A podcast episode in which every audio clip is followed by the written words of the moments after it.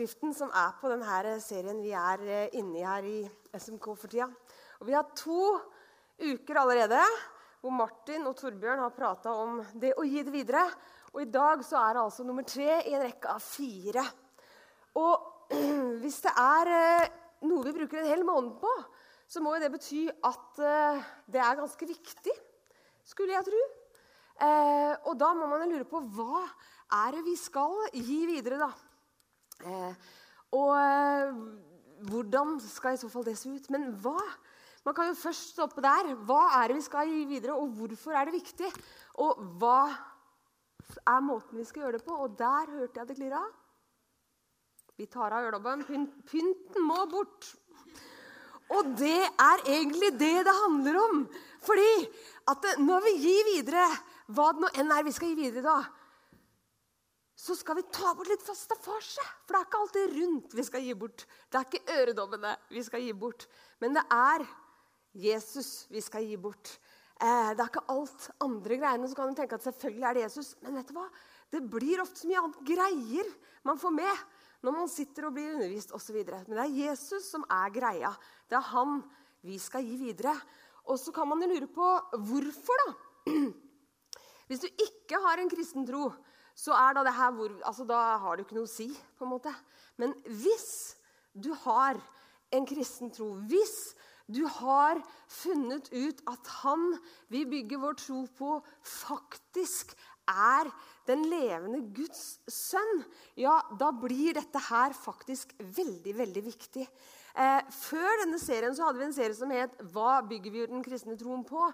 Og Da var fokus nettopp dette her, at vi bygger vår tro på den levende, oppstandende Jesus.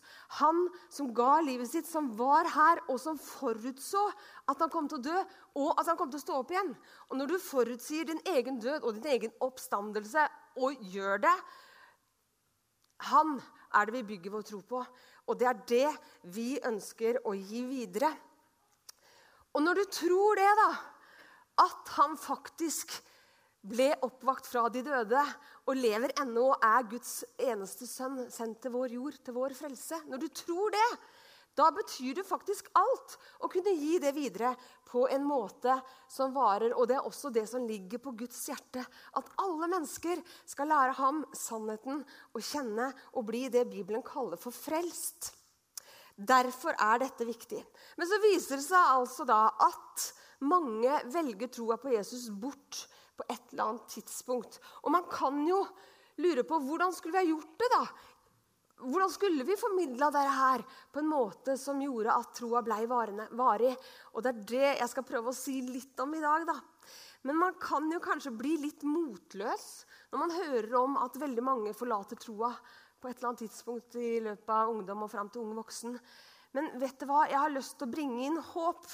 Jeg har lyst til å bringe inn at det er ikke, toget er ikke kjørt. Løpet er ikke kjørt. Det er faktisk en mulighet for oss til å gi troa videre og til å få en eller annen statistikk, et eller annet skip til å snu. Og jeg tror at når vi eh, snakker sant om tingenes tilstand Ja, mange forsvinner fra troa.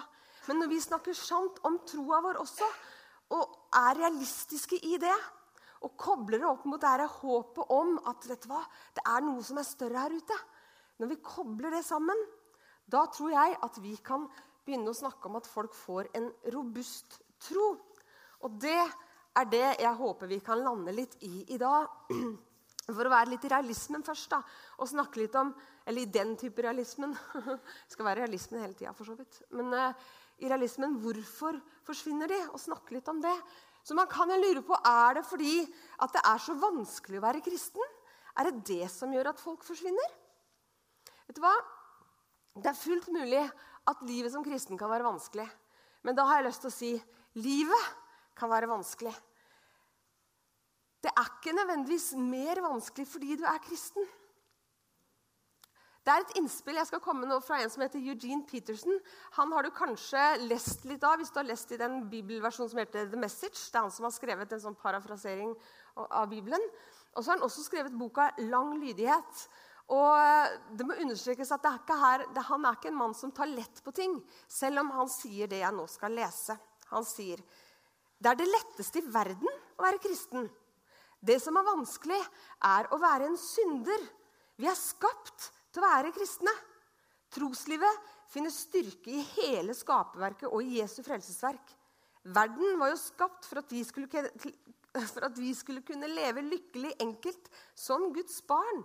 Det er ikke de kristne som har det vanskelig, det er de ikke-kristne, sier Eugene Peterson.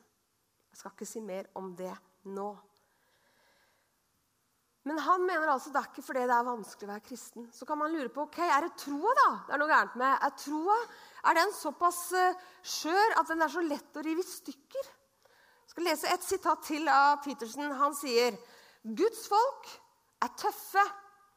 I århundrer har verdens folk kriget mot troens vei. De har ennå ikke vunnet. De har forsøkt alt, men ikke lyktes. Forfølgelse, latterliggjøring, tortur, eksil og fortsatt lever troen i beste velgående. Troen er slitesterk. Troen er ikke en trendy greie som et århundre er på moten, for så å være helt ut det neste. Den tåler tidens tann. Den fungerer. Den har stått sin prøve og har blitt testa grundig, sier Eugene Peterson. Og da kan man lure på, da Hvis det ikke er fordi det er vanskelig, og det ikke er fordi troen er skjør, hva er det da som gjør at så mange kan si med han jeg snakka med for noen år siden, som sa at jeg føler jeg har ikke noe behov for det lenger. Det var fint å vokse opp i det, men nå har jeg det jeg trenger uten å tro. Hva er det som gjør at de sier det? Hva er det vi har presentert for de unge når de kan si det? Har vi solgt inn en Jesus som er litt sånn kul og hipp, og som på en måte er en sånn trendy type? En sånn reklamefigur som varer en sesong, men er ute den neste? Hvis det er det de forlater, så sier jeg takk, kjære Gud, for at de forlater det. For sånn er ikke Jesus. Han er ikke noe å bygge livet på hvis han er bare sånn trendy figur. Han er det, altså det, blir litt som å ha en sånn oppblåsbar ballong som er stor og flott og fin, og som gjør festen og, og til sånn eh, fargesprakende greie. Men når festen er over, så liksom blir den borte. da. Og så blir det bare en sånn liten tassen, utbrukt greie som ikke er noen ting å bygge livet sitt på. Som ikke tåler livet som det virkelig er. Litt press, liksom, så poff, er det over. Den gangen folk flest hadde en tro, den gangen alle i Norge var kristne, om de gikk i kirka eller ei, så holdt det kanskje med en sånn ballong-Jesus. En ballongversjon av troa. Men jeg tror ikke det er sånn, eller det er ikke sånn lenger. Det er lenge siden det var sånn. Men vet du hva? Jeg tenker at det er bra at ikke det er sånn lenger. For da kan vi bli kvitt sånne ballong-Jesuser. Da kan vi komme til hva det faktisk handler om. Men jeg tror at når vi snakker om en sånn lettversjon, da, så, uh, så, tenker jeg at uh, da kan vi Ja, da, da står vi i fare for at når de da står i bakdøra, og ballongen har mista lufta si, og så kikker de ut, og så ser de på alle de andre vanvittig fine ballongene som er der ute, da vil de jo selvfølgelig ha de. Og min egen ballong er litt sånn poff. Da vil jeg ut det alle de andre kule ballongene. Men det er bare ballonger, det også. De heller tåler ikke når det kommer til stykket. Når vår tro er uten noen form for motstand fra omgivelsene, så tror jeg vi kan bli sløve, vi som er kristne. Da kan vi leve som om Gud ikke fins. Og jeg tror at den måten å være kristen på, hvis det kan kalles for å være kristen, så er vi med på å sette den bakdøra på vid vegg. Da tror jeg de der ballongene der blir så fristende at ah, jeg trenger ikke lenger. Da går man videre. Ut. Vi må gi noe mer enn en ballongversjon, for å kalle det det, da, av troa vår. Og vi må selv ha noe mer enn en ballongversjon av troa vår. Det å være kristen er blitt sammenligna med det å leve i eksil, dvs. Si å bo i et annet land enn sitt eget. Og da Jesus ba for alle sine, dvs. Si oss, så sa han det på denne måten. De er ikke av verden, altså vi, altså, er ikke av verden slik jeg ikke er av verden. En eksiltilværelse snakka Jesus om. Men han sa også at vi skulle være i den verden for han sa, 'Jeg ber ikke om at du skal ta dem ut av verden, Gud, men at du skal bevare dem fra det onde.' Ja, vi hører kanskje ikke til i denne verden her, men vi er like fullt midt i den. Og det er det som egentlig er vårt hjemland, det er Guds eget rike. Det som Jesus brakte nær til oss da han sa Guds rike er kommet nær. Og så inviterte han oss til å være medborgere i det riket. Og det er mulig at du sitter her nå og tenker hun har klikka. Og det er greit. Jesus snakka om det her, og jeg tror faktisk på det han sa. Han sa at Guds rike er her, og vi kan være en del av det. Han snakka om at det er inni oss. Så jeg tenkte, Hvor er dette her Guds rike? Kan det være som et parallelt univers? Noe à la type det som vi leser om i bøkene om Narnia? At det fins liksom, rundt oss i en annen dimensjon? Jeg vet ikke. Men det jeg vet, er at Guds rike er komplett annerledes enn det vi er i med kroppen vår. Fordi der er hele verdigrunnlaget annerledes, hele styresettet annerledes. Mye kunne vært sagt om det, men poenget mitt nå er at når vi tror på Jesus og har valgt å følge ham, ja, da har vi et annet hjemland, rett og slett. Vi lever i eksil. Så er Bibelen da mange fortellinger om israelsfolk i eksil. F.eks. om den, her, den gang Daniel var i eksil. Daniel har du kanskje hørt om. Han som har fått en egen bok her. Han, vi eh, kan lese om han. Eh, og han, Som ung gutt ble han fanga i Israel og ble ført til Babylon i fangenskap. Og Så levde han der som en fremmed i et annet land, og han skilte seg ut med troa si og med verdiene sine. Det var han, han, du har sikkert hørt om han som ble kasta i løvehulen. Det er altså han jeg snakker om nå. Og selv om han levde under et press fra omverdenen og kulturen der, så gjorde han noen valg som var stikk i strid med det han levde i. Og det gjorde han i stand til å bevare hjertet sitt og til å bevare sin relasjon til Gud. Han levde i eksil i Babylon. Og vårt eksilland kan kanskje kalles for det digitale Babylon. Vi er også i en verden som er full av mange forskjellige sannheter, og som er relativ, og det er mange religioner, og det er masse forskjellige valg man kan ta og ikke kan ta. Man kan gjøre mye som man vil. Man skal mene og gjøre mye og masse, og det kan kjennes krevende. Så vi er på en måte i eksil i det digitale Babylon. Så hva kan vi gjøre da for å gi hverandre og for å ha en tro som står støtt i dette digitale Babylon, til tross for ytterligere ytre press. Mye av det jeg skal snakke om nå, har jeg henta fra en bok som heter 'Faith for Exiles', som er skrevet av to karer, David Kinnaman og Mark Matlock. De to har forska mye, og de har bl.a. sett på hva er det som kjennetegner unge voksne med en såkalt robust tro. Altså som har en tro og en nærhet til Jesus. Så har de sett på at det er fem kjennetegn ved de som har en sånn tro, som går igjen. da. Og De fem eh, fellestrekka eller kjennetegna skal jeg si litt om nå og knytte noen tanker rundt det. Jeg tror at de fem trekka der de kan lære oss en del om det å ha en tro som står støtt i et digitalt Babylon. Og det aller, aller første de skriver om, det er nettopp det å erfare Jesus. Og Dypest sett tenker jeg at det er kun et møte med den levende Jesus som gjør oss i stand til og en, få en sånn overbevisning i vårt indre da, om at Jesus er verdt å satse på. Men for å få en sånn overbevisning så tenker jeg at vi må ha et sant bilde av hvem han er, og ikke en dårlig ballongversjon av Jesus. Han er ikke en festballong. Han er den levende Guds sønn. Og det er altså han Martin prata om for et par uker siden når han snakka om hva vi bygger vår tro på.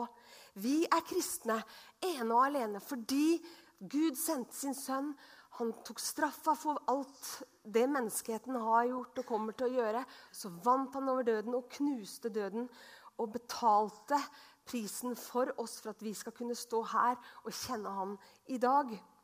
Det er han vi tilhører. Og har du sett og fått et glimt av den levende Gud, så skal det mye til før du forlater ham, tror jeg. Da har du fått en anelse av at han er så mye, mye mer enn en tassen ballong.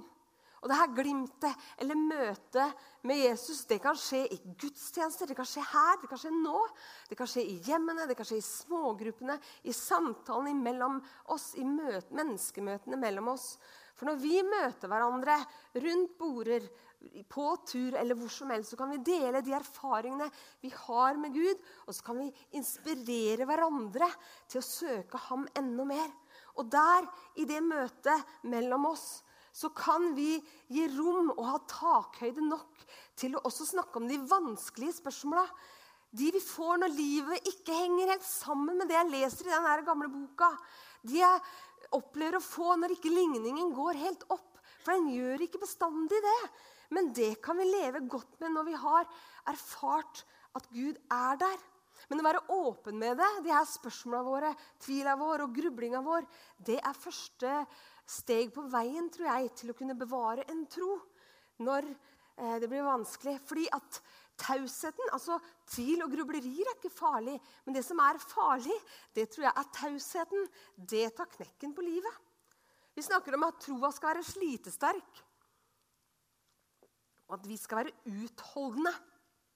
Det betyr ikke at vi er perfekte. Utholdenhet er ikke perfeksjon. Utholdenhet er at vi fortsetter å gå når vi ikke er perfekte. Det handler heller ikke om at utholdenhet er stagnasjon. At vi, ja, ja, så får jeg ikke svar på det, da. Nei, men da får jeg bare droppe å lure på det. Så stopper vi på stedet vi liksom, Nei. Utholdenhet er heller ikke stagnasjon. Men utholdenhet, det er å bare fortsatt lure, fortsatt henge seg på å si til Gud vet du hva, jeg syns det er vanskelig. Å være åpen hos Han og 100 ærlig hos Gud, som tar imot meg med alt jeg har av frustrasjon og sinne og glede og hva jeg enn måtte ha inni meg. Gud tåler alt jeg er. Og utholdenhet vet du hva? Det er ikke et resultat av min viljestyrke, men det er et resultat av at Gud er trofast og at han holder fast i meg til tross for alle mine rare grublerier. Slike gudsmøter der vi kan erfare Gud gjennom bønn eller gjennom å lese Bibelen eller å være sammen med andre kristne eller feire gudstjenesten eller ha en tjeneste. Uansett hva, da. Sånne gudsmøter der vi opplever at vi kan være 100% oss selv innenfor Han. Det er da troa tåler en trøkk.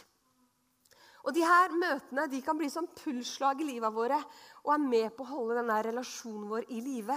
Som et hjerte slår, så slår det og holder oss i live. Troa vår i live. Og det kan du ha, de pulsslagene kan du ha uansett hvor lenge du har kjent Jesus. Eller hvor, uansett hvor gammel eller ung du er. De kan du ha. Og du kan erfare at Gud av og til er taus.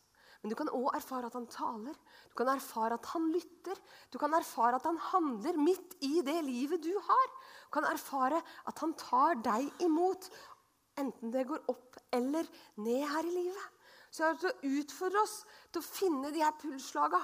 At du finner ditt pulsslag med Gud, som gjør at din tro kan holdes i live, og at du kan erfare at Gud er med deg midt i ditt liv. Og De pulslagene de kan vi dele også. Og dere som har noen dere bor sammen med, del de pulslagene med de du har under samme tak som deg. Så kan de som vokser opp i de hjemma, også få sine pulslag. Fordi de erfarer det hos deg, så blir de etter hvert sitt eget pulslag som de tar med seg videre ut når de flytter. I tillegg til å erfare Gud, så er det å ha dømmekraft et av de her fellestrekka som går igjen hos de med en robust tro. Og Det er altså punkt to. Igjen, Jesus sier at vi er en del av digitale Babylon. Og I det digitale Babylon der trenger vi å ha en viss dømmekraft. Så fins det eksempler på hvordan kristne har holdt seg langt unna verden opp igjennom, og det har ført til en drøss med regler. Eh, du skal ikke ditt, og du skal ikke datt. Og så du blir sånn, du blir sånn avsondra fra verden pga. strenghet. Det er ikke det Jesus snakker om. Men den andre sida av det er at eh, man lager det på innsida. Da. En annen måte å holde oss unna verden på er liksom å lage det så kult og hipt på innsida at uh, du ikke fristes til alle de der ballongene på utsida. Liksom. Uh, men begge deler, enten det er den ene fallgruva med regler eller den andre fallgruva med superkult fallgruva, begge de to handler om skjerming, det handler om polstring, som ikke nødvendigvis er sunt som ikke gjør oss i stand til å faktisk utøve dømmekraft. Til å kunne skjelne mellom sant og sunt og falskt og ekte og rett og godt og eh, ikke godt. Eh, fordi at Hvis vi kun skjermes og polstres, så blir vi jo ikke i stand til å leve i denne verden vi er en del av. Vi trenger kunnskap, så vi kan vurdere på, Guds, altså på grunnlag av hva Jesus sier. Vurdere hva som er klokt, hva som ikke er klokt. Men da må vi kjenne til hva Gud faktisk sier. Det er bare et tidsspørsmål for de som vokser opp i sånn polstra tilværelse, før de kommer ut i den virkelige verden. Og der må de da plutselig stå på egne ben og, og vurdere. Og da er det ikke så lett, da, hvis ikke de har lært om hva faktisk Guds ord lærer oss, hva Jesus lærer oss om hvordan det er lurt å leve. Det er ikke det at det ikke er råd og vink å finne i det digitale Babylon. Det er det. Men råda vi får der, de er ikke nødvendigvis de beste for oss. Og de veksler gjerne fra den ene dagen til den andre. Det som var rett i dag, er ikke nødvendigvis rett i morgen. Det er ganske sånn flytende. Og i den digitale verdenen, jeg mener i det digitale Babylon, så er det gjerne eh, de som snakker høyest på YouTube, eller de mest populære på reality-showsa, som er de som på en måte setter standarden. Da. Og det er ikke nødvendigvis de som har de sanneste og sunneste svara, og de vil oss ikke nødvendigvis vel heller. Og jeg har lyst til å si til særlig dere som er unge, men også til oss alle, at vet du hva? det fins en annen fortelling enn den vi hører oftest i mediene. Den forteller oss at vi er skapt av Gud, vi er ønska av ham, vi er elska av ham. Akkurat som den gutten, den jenta, den mannen og kvinnen vi er. Og den sannheten han har for oss, den forteller oss at det finnes mening. Livet har en hensikt. Det er håp. Også når ting kjennes håpløst. Og Den fortellingen kan du lese om i denne boka. her, og Du kan få høre om den, om mennesker som har gått foran, og som har erfart ting med Jesus som jeg sjøl kanskje ikke har erfart ennå. Derfor vil jeg utfordre oss til å lese Bibelen, til å studere hva Paulus skriver, til å studere hva Jesus sier, og delta i gudstjenestene. Vær i smågrupper. Snakk om hvem Jesus er, og hva han betyr, og hva det får for konsekvenser i det livet vi har i digitale Babylon. Tenk om vi kunne vært et sånt lærende fellesskap, der vi sammen hjelper hverandre til å skjelne hva som er lurt å gjøre til å utøve dømmekraft. La oss snakke om hvordan Guds rikes kultur er annerledes enn samfunnet vi er en del av sin kultur. Og hva det har å si for de valga jeg tar. Jeg tror det er helt nødvendig for å kunne utøve en sunn dømmekraft i det digitale Babylon. Daniel var i eksil, og han var en del av livet i Babylon. Og Likevel så kjente han det når moralkodeksen i gamle Babylon stred imot det han selv visste var rett i hjertet sitt. Og uten kunnskap, uten kunnskap, om Guds vei så hadde han vært litt lost in space. Det er sånn. Men med kunnskap så kunne han utvise god dømmekraft, og så tok han noen kloke valg på grunnlag av det. Men for å få det til så trenger vi hverandre, og det bringer meg inn til punkt tre da, i de her fem greiene. Og det er det at vi må kjenne hverandre på tvers av generasjonene. Vi har så mye å lære av hverandre. Begge veier. De unge kan lære av de eldre, og de eldre kan lære av de unge. Vi trenger hverandre. Vi trenger relasjoner på tvers av generasjonene. Og De første kristne ser jeg for meg som et eksempel i det. For de var også i en røff periode. Det er kanskje deres tid av hele kirkehistorien som kanskje ligner mest for vår idé at det var ikke lov å være kristen den gangen. Statsreligion ble det etter hvert, men blant de første kristne var det ikke det. Nå har vi heller ikke lenger en statsreligion. Så vi på mange måter så ligner vår tilværelse den de hadde. Vi blir riktignok ikke drept får vi tro, det ble de. Men allikevel så ble mennesket frelst hver eneste dag og ble lagt til menigheten. Hva var det som gjorde det? De var bl.a. sammen daglig både på tempelplassen og i hjemmene. Og de brøt brødet, de spiste sammen, står det, med oppriktig og hjertelig glede. Og de sang og de lovpriste Gud, og de var godt likt av hele folket. Og hver dag la altså Herren til nye mennesker til det her fellesskapet. Og Jeg ser for meg det fellesskapet da, rundt disse her bordene i de forskjellige hjemma. De møttes av og til på Tempelplassen hver dag. faktisk. Så kobla de seg på der, og så gikk de til sine hjem. og Så kobla de seg på der. Større fellesskap, mindre fellesskap.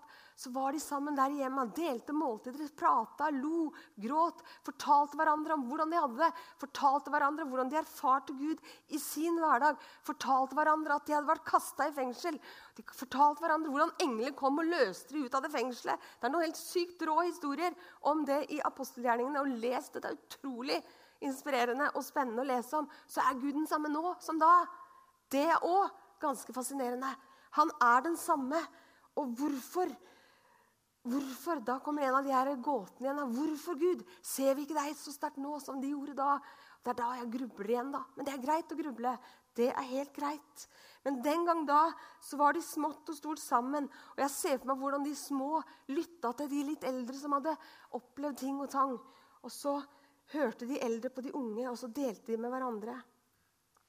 Nylig så, så jeg på programmet litt av hvert fall, programmet til Harald Eia 'Sånn er Norge'. Er noen som har sett det? Mm. Og den biten jeg så, da, det var den verdien som skårer høyest i Norge for tida, det er uavhengighet. Egentlig stikk i strid med de første kristne. Uavhengighet. Vi skal klare oss sjøl. Det kan føre til isolasjon. Det kan føre til ensomhet. Det er ikke så lenge siden vi hørte om han som hadde ligget død halvannet år i sin egen leilighet i Oslo før noen oppdaga det. Det er jo helt tragisk. Vi er så uavhengige. Men vet dere hva? Jeg tenker at dette, det kristne fellesskapet, som ikke nødvendigvis ser ut som å sitte i en benkerad, må parentesmerke, Det kristne fellesskap er en fantastisk mulighet til å møte det. Til å være motkulturelt da, mot denne uavhengighetsgreia. Men da må vi koble oss på hverandre. Og hvordan kan det se ut, da? Altså, Vi er så vant til å være i kirke på den måten vi sitter nå. Hvordan ser det ut å være i kirke i fellesskap. Jeg har lyst til å gi oss et lite sånn tankeeksperiment og utfordre deg på å tenke ok, hvordan hadde det sett ut å være Skien misjonskirke uten en eneste gudstjeneste? Hvordan hadde det sett ut å være Skien misjonskirke uten denne plattforma her? Se for deg det. Hvordan hadde det vært? Tenk at Det fellesskapet som da kunne hatt oppstått i hjemmene, på tur, whatever, der kan det skje det vi nettopp prata om, nettopp at vi kan erfare Jesus, og vi kan være et lærende fellesskap, og vi kan koble oss på hverandre. I det samme fellesskapet så kan vi også løfte fram synet på arbeid, og det er det fjerde kjennetegnet. En ting som opptar enhver som bikker 20, er, i tillegg til det å finne seg en og leve livet sitt med Hva skal jeg bli? Hver av oss har fått unike evner av Gud. Hver av oss har fått et kall til å leve som oss selv i denne verden. Og vi kan bruke oss selv til det beste for oss selv og til det beste for andre. Og uansett hvem du er, hva du gjør, så kan du bety en forskjell. Ved å være deg så kan du bringe Guds godhet inn i verden med dine egenskaper. Enten du er student, eller du har drømmejobben, eller du har mista drømmejobben. Hva enn. Vi er skapt i Guds bilde, og jeg tror faktisk vi er skapt til å skape. Som Han skaper, er vi skapt til å skape. Ja, vi kan skape skjønnhet som i form av kunst, men vi kan òg skape gode menneskemøter. Vi kan skape et bedre samfunn. Vi kan skape gode løsninger på problemer som fins. Vi kan skape bedre helse. Vi kan skape tro og liv. Tro og arbeidsliv henger sammen. Og vi ærer Gud når vi bruker våre evner. Og vi bidrar positivt i samfunnet og lever ut Guds rikes kvaliteter der vi er. Tilbake til Daniel. da. Han var dyktig, og han fikk lederstilling i dette her Babylon. Og han brukte seg sjøl og de egenskapene han hadde som Gud hadde gitt ham, med en stor frimodighet. Og så fikk han stor betydning i samfunnet. Det er ikke alltid like enkelt. Han blei tross alt kasta i løvehulen, gode gamle Daniel kan ikke ha vært lett. Det er ikke alltid lett. Men vi er kalt til noe mer. Vi er kalt til å leve ut hjemlandet vårt sine kvaliteter, altså Gudsrikets kvaliteter der vi er. Og det er motstrøms. Og det er det femte kjennetegnet. Det å leve på en måte sånn kontrakulturelt. Mot kulturen. Ikke for å være imot, men for å være noe annet. For å tilføre noe annet. Noe bedre. Noe sannere. Noe mer. Det å være den som går mot strømmen, som, som på en måte mm, skiller seg litt ut, kanskje. da. Som er som i et bakvendtland. Det kan være krevende å sette huset på huet. Men du verden så mye mer givende enn å bare leve sånn halvsløvt kristenliv. Gud inviterer oss til å koble oss på det han gjør, hele uka. Hele uka. Gjør vi det, så tror jeg at troa vår og livet vårt med Gud blir mye mer robust. Da kan vi la Den hellige ånd jobbe i oss gjennom pulsslaget i hverdagen og mellom, i fellesskapet mellom oss. Gjennom det der at vi faktisk lever ut hans kultur. I digitale Babylon så blir vi ofte fortalt at det er vi selv som er det viktigste. Du må følge hjertet ditt, vennen min. Du må gjøre det du har lyst til. Det er det viktigste. Det er ikke det bestandig, faktisk. I Guds rike er det faktisk helt motsatt. Gud snakker om, eller Jesus snakker om å sette den andre først. Han snakker om å gjengjelde ondt med godt. Han snakker om å elske våre fiender. Ikke for å slette ut oss selv, selv om det kanskje ved første øyekast kan se sånn ut. Men det er ikke det. Det er faktisk å finne seg selv. Det er å finne seg selv. Ved å gjøre, disse tingene her, at vi faktisk finner oss selv. Vi lever på en måte i bakvendt land. Og det kan koste. Det kan koste å velge bort seg selv for å finne seg selv. Men når utfordringene er der, og du kjenner deg skvisa, og så kjenner du plutselig at 'jeg vet jo egentlig hva som er rett', jeg har bare mest lyst til å flyte med strømmen, men å, Gud, hjelp meg til å velge din vei nå. Det å våge det, ved å orke det, det å, Jeg tror at gjennom å orke det, da, så vil vi erfare at det bærer. Gud er der, og vi kan kjenne at Gud tåler meg. Han bærer meg. Og når man erfarer, så får man lyst på mer av han. Gud jobber, dere. Og jeg tror at han inviterer oss til å bli med på det han gjør. Og når vi tilbringer tid med ham, gir han oss tanker for hvordan vi kan koble oss på på denne motstrømsbevegelsen. Vi må snakke sant om tingene som de er. Og så må vi koble oss på at det fins håp om at vi kan gi troa videre på en sånn måte som gjør at den varer. Som gjør at unge mennesker, og selv, meg selv i beregna Jeg er ikke noe ung, ikke bare de unge, vi gamle også. Får en tro som vil blomstre når vi følger etter ham. Jeg kjenner at det utfordrer meg. da, Det skal vel sies. Dette er kjempeutfordrende. Både for min egen del og også for hvordan jeg gir det her videre til de som kommer etter meg. Men jeg har lyst til å invitere dere òg inn i de utfordringene har tre utfordringer. Den første er til sånne som meg.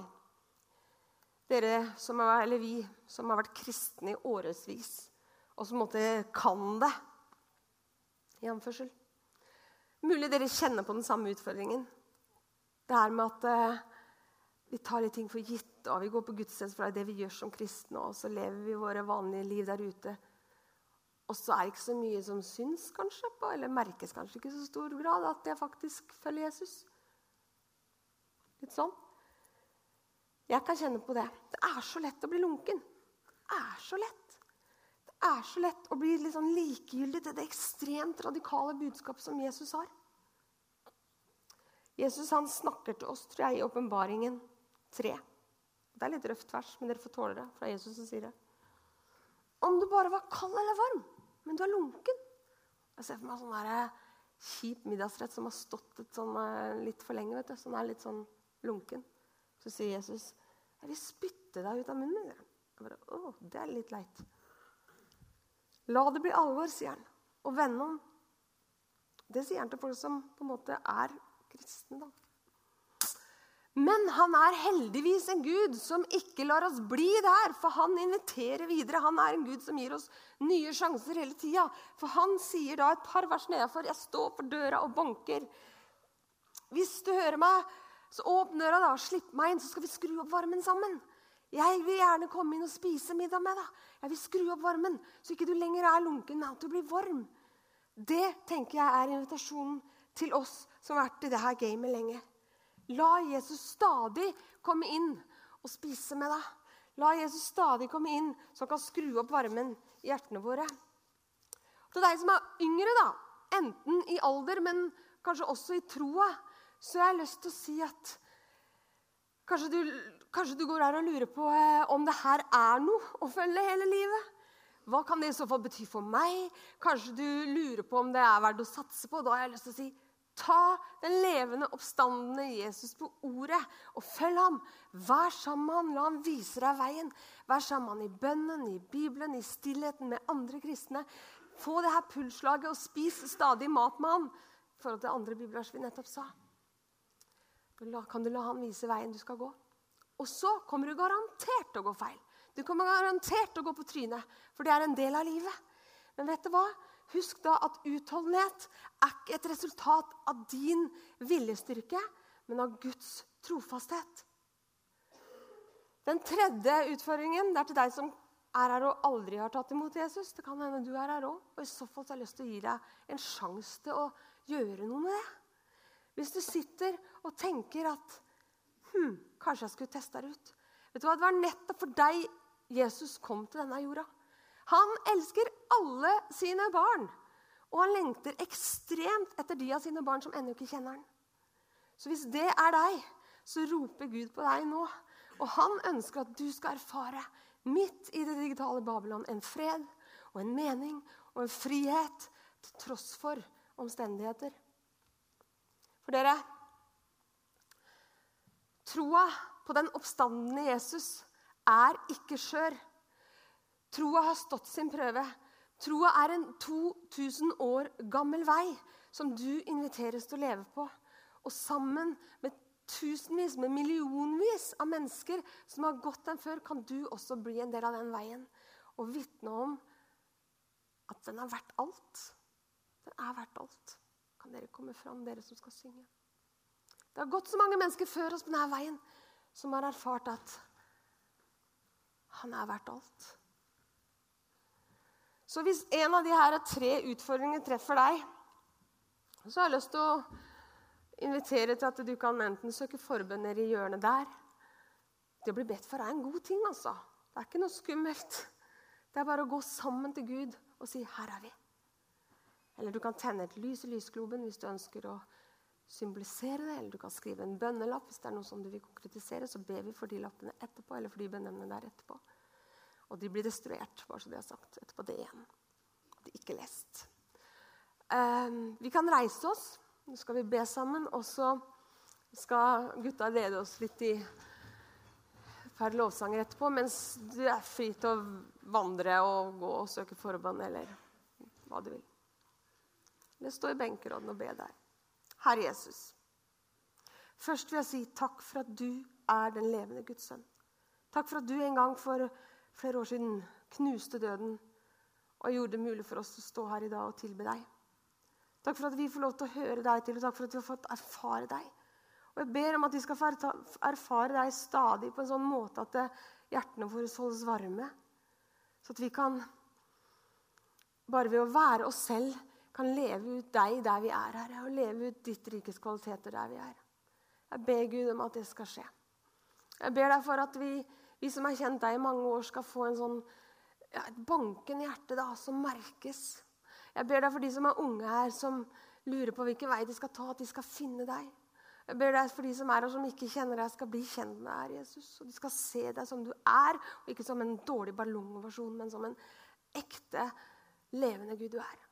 Jeg ber om det, Hellige Jesus, at du skal fylle oss med deg, at vi skal lære deg å kjenne mer og mer. I Jesu navn. Amen.